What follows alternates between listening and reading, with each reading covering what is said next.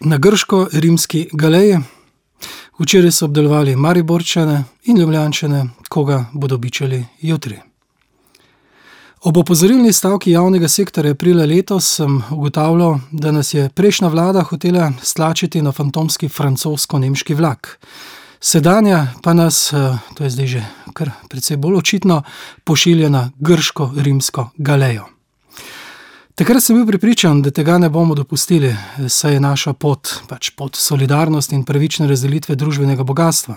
Konec koncev tudi ustava opredeljuje Republiko Slovenijo kot pravno in socialno državo. Ob opozorilni stavki sem dodal tudi, da je skupni sovražnik delavcev v javnem in proizvodnem sektorju gusarski kapitalizem, ki vztrajno niža vrednost dela. Ko ljudi brutalno postavi pred izbiro med brezposelnostjo in mezdo, ki vodi v revščino, ostane za socialni dialog malo prostora. Ali pač nič več. In ko se nekdo spomni zarubiti še zadnje ostanke prihrankov ljudstva za polnjenje javno-zasebnih žepov, je mera polna. Po ponedeljkovi ustaji Mariborčanov in Mariborčank ter brutalnem nastopu policije proti njim Slovenija ni več država, kakršno smo zasnovali v osemdesetih letih.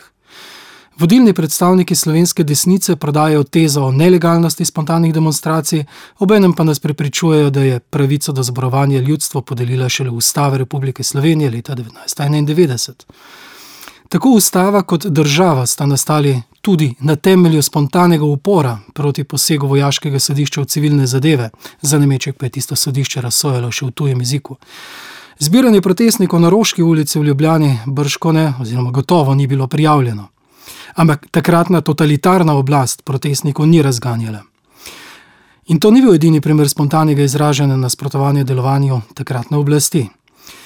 Vsi protesti v prejšnji in novi državi, kar jih pomnim od zgodnjih osemdesetih let dalje, so potekali nenasilno. Razvila se je specifična oblika učinkovitega nenasilnega protesta, tudi za naš prostor značilna nenasilna kultura protesta, za katero oziroma na katero smo lahko bili državljani in državljanke Republike Slovenije upravičeno ponosni. Ta nenasilna kultura protesta se je razvila prav v časih, ko so militantneži na nič kaj spontanih ljudskih protestih v drugih krajih takratne skupne države izražali žejo po krvi. Tudi zato je bila doslej Republika Slovenija tako drugačna od drugih postsocialističnih držav. Edina izjema v tem času, kar jo pomnim, so bile razbite šipe na stavbi slovenskega parlamenta ob študentskih protestih.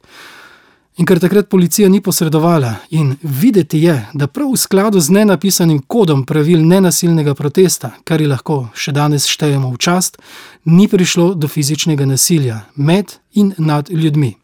Sedaj je drugače. Policija za razganjanje ljudi uporabila solzivec, palice, helikopter, vozila in konjenico. Nobena legalistična retorika bivših ustavnih sodnikov in sedanjih oblastnikov ne bo izbrisala posnetkov z mariborskih ulic in trgov, ki jasno kažejo, da je policija prestopila mejo nenapisanega koda pravil nenasilnega protesta. Tega policisti niso naredili zato, ker bi se branili pred podivjano množico ali varovali premoženje, kot trdijo oblastniki, tudi če je bilo med množico dejansko nekaj razgretih glav ali provokatorjev.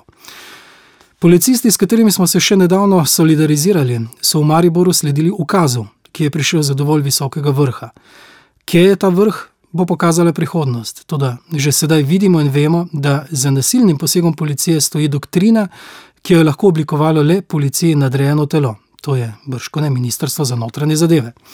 Zato mora minister Vinko Gorenak prevzeti osebno odgovornost za to, kar se je zgodilo v Mariboru, in se Mariborčanom in Mariborčankam javno opravičiti in odstopiti.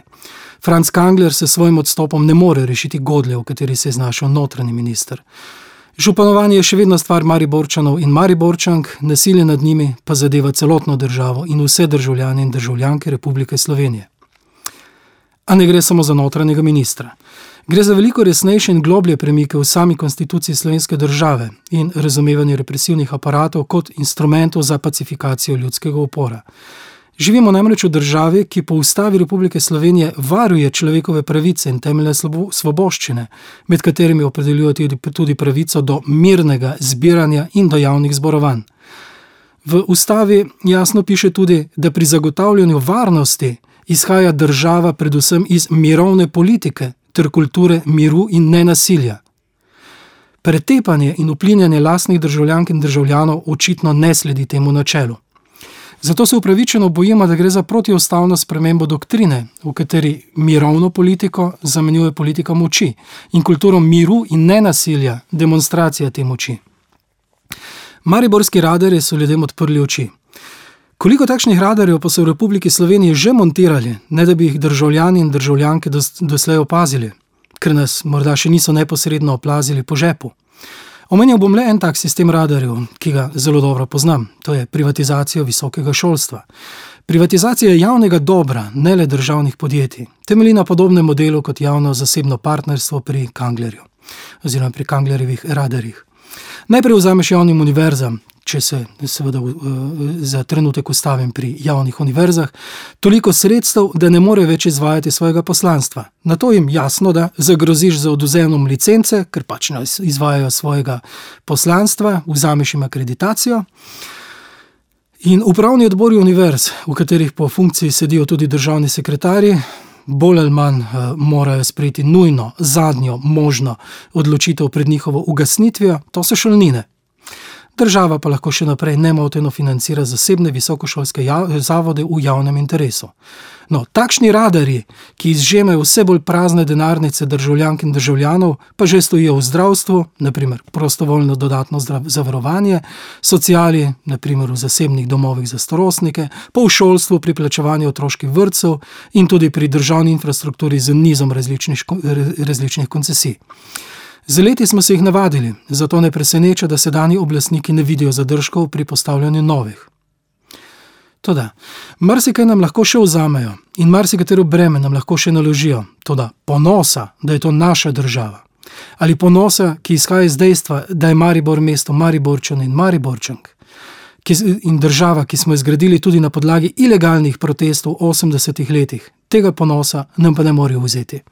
Ne smejo spregledati, da v tretji alineji preambule Splošne deklaracije človekovih pravic piše, da je nujno potrebno, da se človekove pravice zavarujejo z močjo prava, da človek ne bi bil prisiljen zatekati se v skrajni sili k uporu zoper tiranijo in nasilje.